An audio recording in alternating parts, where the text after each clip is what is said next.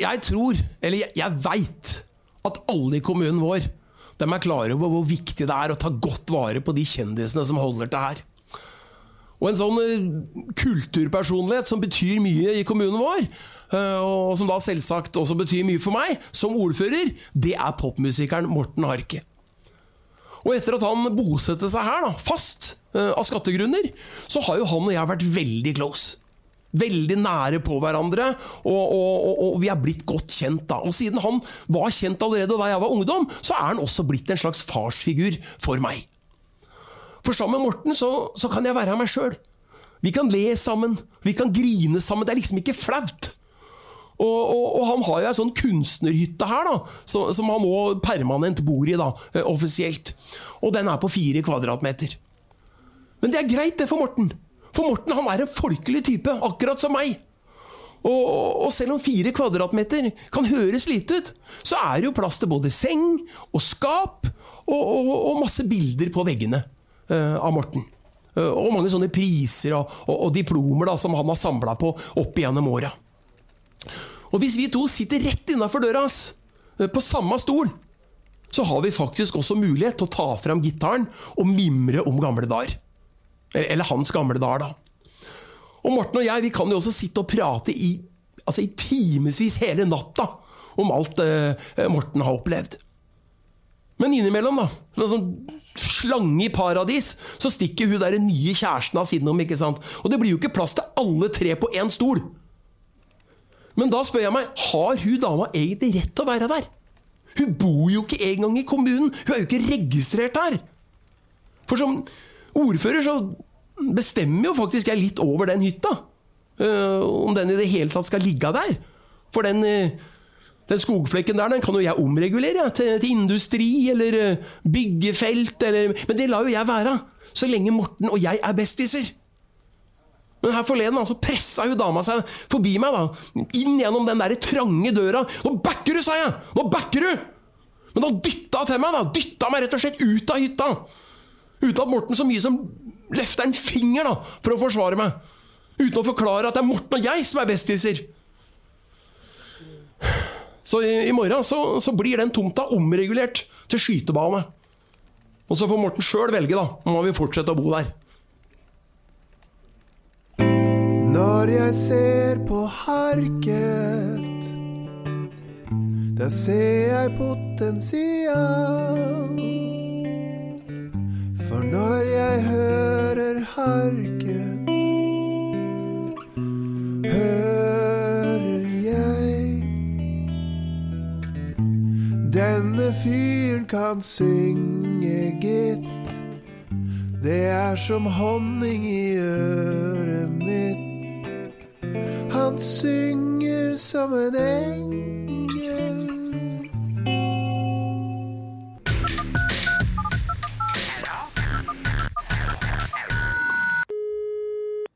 Når du kommer til føden? Ja, det er fødeavdelingen. Ja. Ja, hallo, jeg har noen spørsmål om, om arvelighet og sånn når det gjelder hudfargen. Jaha.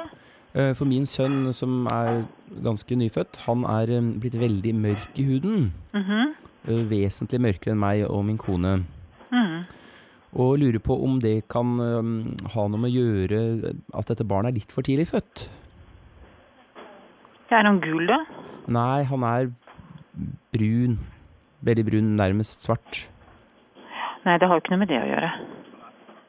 Fordi hun, eh, min kone, hun, hun reiste til Nigeria mm. og var der en kort periode. Og så, um, da var hun gravid med meg, sier hun i hvert fall. Mm. Og så kom hun tilbake, og så fødte hun da øh, vår sønn altfor tidlig, ifølge beregningene. Og, og, og den er blitt veldig mørk, altså.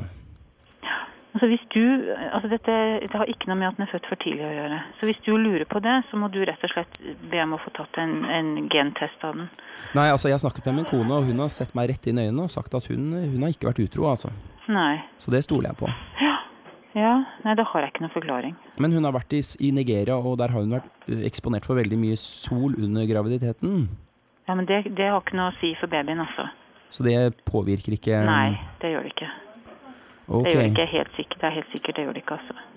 Men når hun kom hjem, så tok hun også en del solarium før, øh, før fødselen. Ja, men det, det er hennes pigment i hennes hud smitter ikke over på babyen.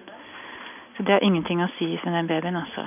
Men det har også vært veldig mye forurensning og sånn i Nigeria. Kan de ha påvirka Nei. Nei, ingen, altså hudfarven er jo arvelig. Hun er drikker mye kaffe og cola. Ingenting å si for det, altså. Ok, Det er overhodet ingenting å si for det. Det er kun eh, det genetisk hudfargen. Den siste tiden, har hun, rett før fødselen, så var hun også mye i Nord-Norge, og der er det jo en mørketid. Eh, har det noe å si? Nei, beklager, jeg kan ikke hjelpe deg med dette her. Nei, det er i hvert fall et eh, mysterium for meg, altså. Ja, Da får jeg søke videre. må gjøre det. Ha det bra. Mm, hei. Søringforskning.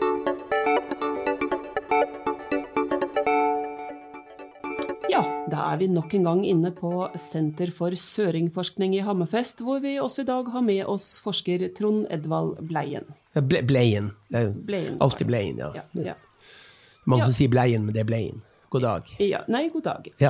Eh, Du har påpekt et syndrom som du kaller for fysiologisk kollaps. Hva legger du i det? Ja, hva jeg legger i det? Det er jo altså når vi observerer oss søringen, når vi forsker på søringen. Og eh, altså, I min forskning så ser jeg jo først og fremst på kontrastene. Og Ta for eksempel nordringen da, som en kontrast til søringen.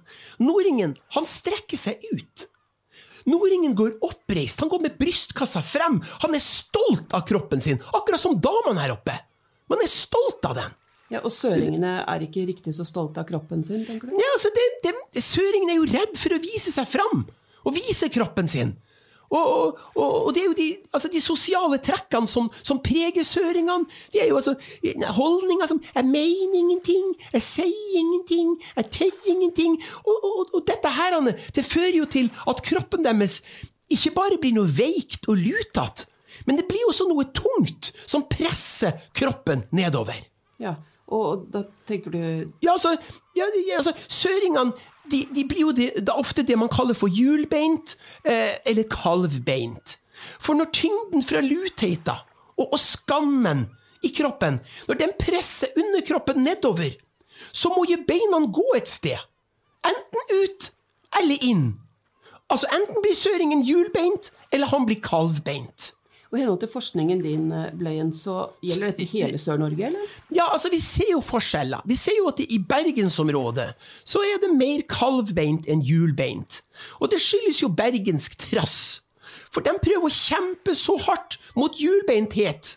Så kraftig at beina, i stedet for å bikke utover så de blir hjulbeint, sånn som østlendingene, så bikker beina innover, og bergenserne blir kalvbeint. For et eller annet sted må jo beina gå. Og overkroppen kommer jo nedover under vekta av alle veikheter og skammen og alle de tingene som presser, presser ting. bergenserne blir kalvbeinte, det gjør da vel ingenting, det?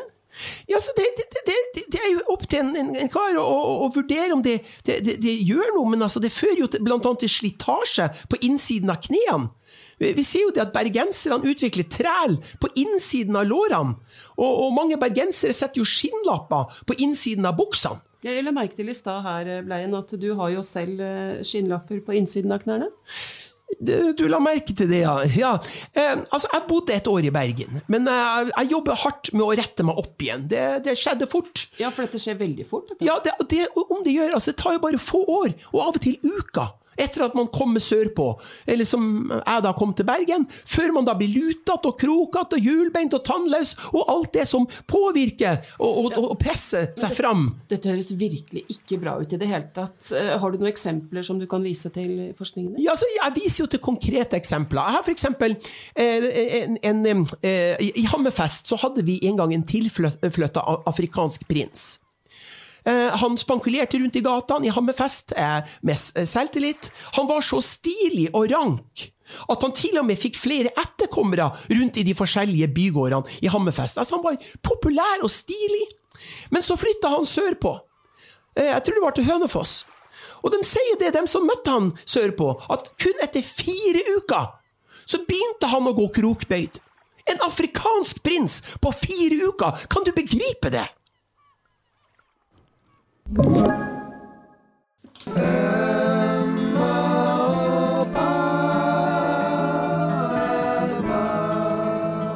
Ja, hei, hei, Emma.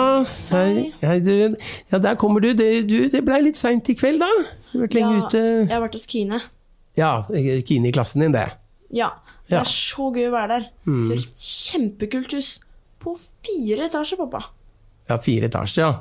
Eh, Men et hus kan jo bli litt stort òg, da, tenker jeg. Altså, nei, det syns jeg ikke. Nei, men jeg tenker at det kan liksom bli litt tomt. På en måte føles litt tomt i et veldig stort hus. Å nei, nei. De har masse møbler. Og det er alltid masse folk der, for de har jo så mange venner. Ja, men nå trives jo jeg veldig godt på, på hybelen min og jeg, da. Så den er jo veldig, ja, som du veit, veldig oversiktlig og, og, og grei, den. Jo da, den er jo det. Ja, og så, men du var liksom litt lenger borte i dag. Jeg har nesten ikke sett deg i dag. Så, Jo, men det er så gøy vi, å være hos Kine. For pappaen hennes, Jan Erik, ja. han er så kul. Alle jentene bare digger han. Han tuller hele tiden. ja. Men det kan jo bli litt mye tull òg, da.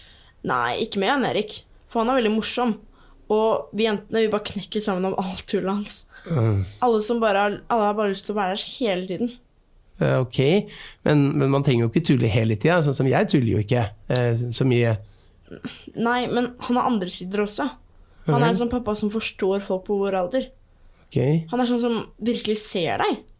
Han forstår hvordan ungdommene har det. ja. Og det går liksom faktisk an å snakke med han. ja. ja og, å snakke, det det er jo viktig. Å, å snakke sammen. Ja. Men nå har Jan Erik det skikkelig travelt. Fordi han og mor til Kine skal feire 20 års bryllupsdag. Og da skal han gi henne en stor overraskelse. Å ja, så, så de har vært gift i 20 år, de da? Gift i 20 og vært sammen i 30.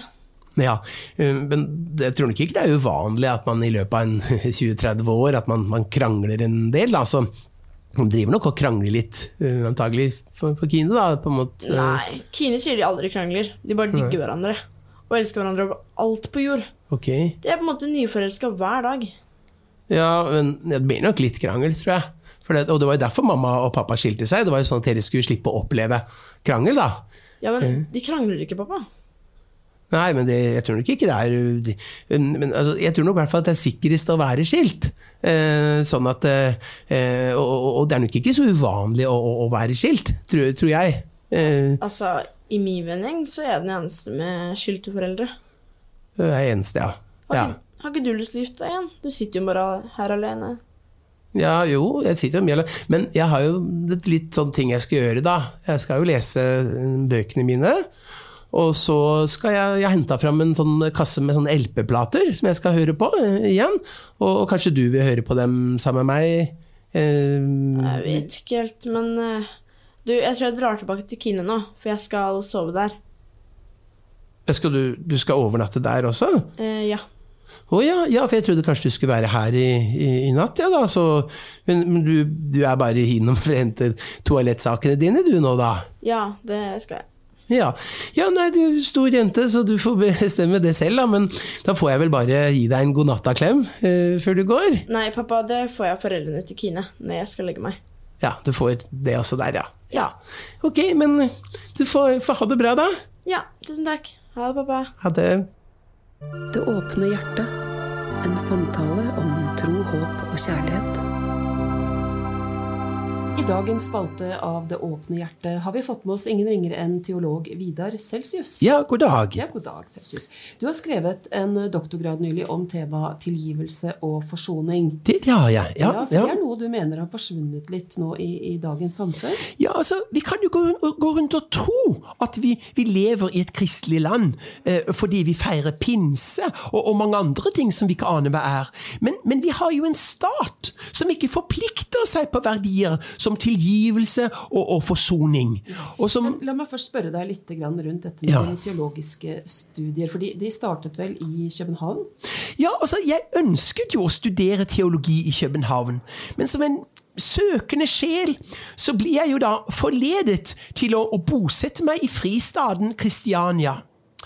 Og, og der blir jeg jo da også forledet til å bruke først lette, og, og deretter tunge narkotiske stoffer, så, som jeg da etter hvert kombinerte med et utsvevende og utprøvende seksualliv. Som Og alt dette skjedde som teologistudent? ja, man kan jo si at jeg etter hvert befant meg i et slags konstant Sodoma og Gomorra. Altså i, et evig kjør etter rus og orgasme og Du fortsatte ikke teologistudiene dine i København? Nei, for da, da, da dette kom Universitetet i København for øre, da ble jeg jo kastet ut. For universitetene de tror jo ikke på tilgivelse. De tror ikke på forsoning. Ja, Og dette løste vel heller ikke dine underliggende problemer? Nei, absolutt ikke. Og, og noen år senere så ble jeg jo da innlagt på, på Vangseterklinikken. Og jeg da ble tilbudt en slags kindereggterapi, der de da på, på, på samme tid skulle behandle meg for min, min sexavhengighet og min spillegalskap og mitt stadig mer livstruende eh, rusmisbruk. Ja, Så du fikk heldigvis hjelp der. Ja, innledningsvis. Men så, eh, på klinikken, så, så møtte jeg jo da to kvinner. Eh, to attraktive kvinner som, som jo også slet med, med rus og, og, og sexavhengighet. Og, og som da begge to søkte seg til meg som teolog for å, å, å, å få støtte og, veiledning. Ja, Så dere hjalp hverandre, dere tre da, hjalp hverandre på en måte?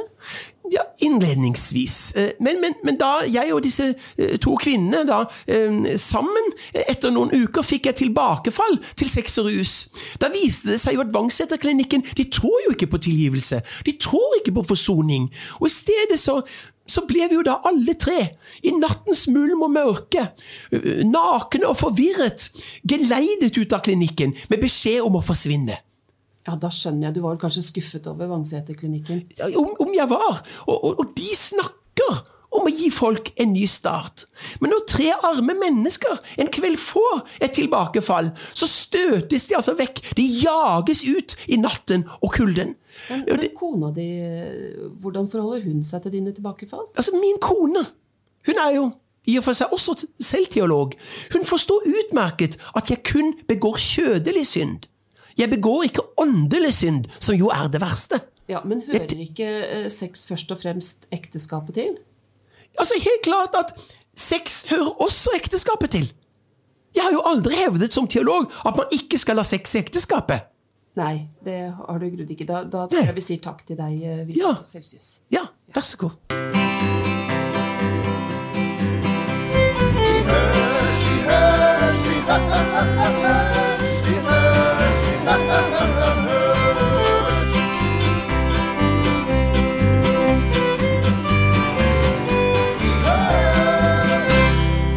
Kjetil Show er en podkastserie fra Kjentfolk Studio. Mer informasjon om serien finner du på kjetilshow.no.